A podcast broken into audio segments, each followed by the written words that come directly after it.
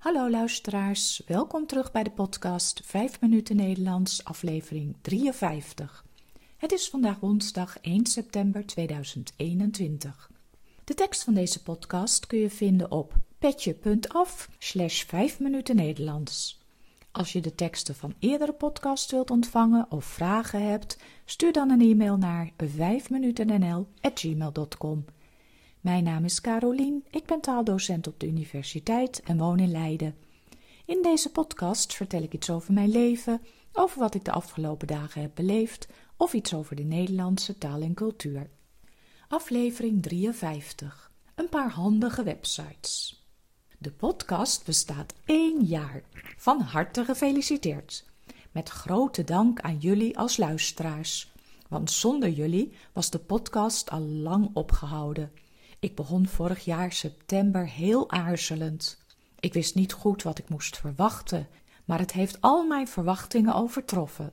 Zoveel downloads per week en zoveel lieve berichtjes van luisteraars die blij zijn dat ze met de podcast hun kennis van het Nederlands kunnen verbeteren. Er zijn luisteraars die net in Nederland zijn komen wonen en daarom de taal leren, maar ook mensen die jaren geleden in Nederland of België hebben gewoond en het leuk vinden om de taal zo een beetje bij te houden.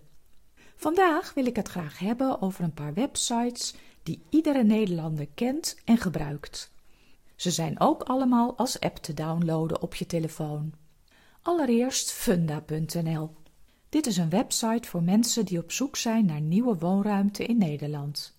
Er staan zowel koopwoningen als huurhuizen op. Als je dus op zoek bent naar een nieuwe woning, kun je een zoekopdracht op Funda instellen. Je krijgt dan iedere dag het nieuwe aanbod in je mailbox. Op dit moment is de woningmarkt heel overspannen, waardoor je eigenlijk een makelaar moet inschakelen om een goede woning te vinden. En dan nog is het heel moeilijk om iets betaalbaars te vinden.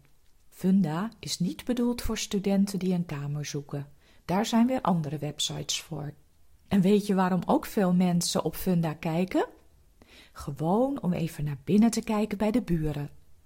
Of wil je de keuken verbouwen? Even op Funda kijken om wat inspiratie op te doen. En dan is er bol.com. Dat is een soort Nederlandse versie van Amazon.com. Een aantal jaren geleden was Bol de website voor het online kopen van boeken. Inmiddels kun je er van alles kopen, van tassen tot lampen en stofzuigers. Allerlei producten, ook via andere leveranciers. Iedere Nederlander kent de website en heeft er ooit wel eens wat besteld. En ten derde is er nu.nl, een Nederlandse nieuwswebsite. De website geeft 24 uur per dag het laatste nieuws.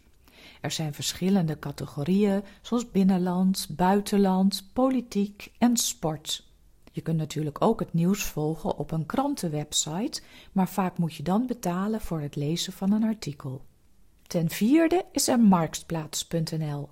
Dit is een site voor tweedehands spullen. Als vijfde wil ik graag de buienradar of weeronline.nl noemen. Deze is voor de weersverwachting. We willen altijd weten of we een regenjas aan moeten of een paraplu mee moeten nemen en hiervoor zijn deze websites heel handig. Tot slot is er een handige website of app voor als je met het openbaar vervoer gaat.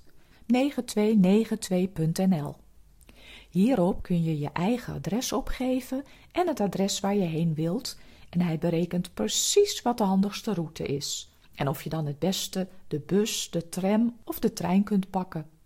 Ook berekent hij de looptijd naar de halte of het station. Dit was het weer voor vandaag. Ik hoop dat je iets aan deze sites hebt. Het is in ieder geval leuk om er eens op te kijken.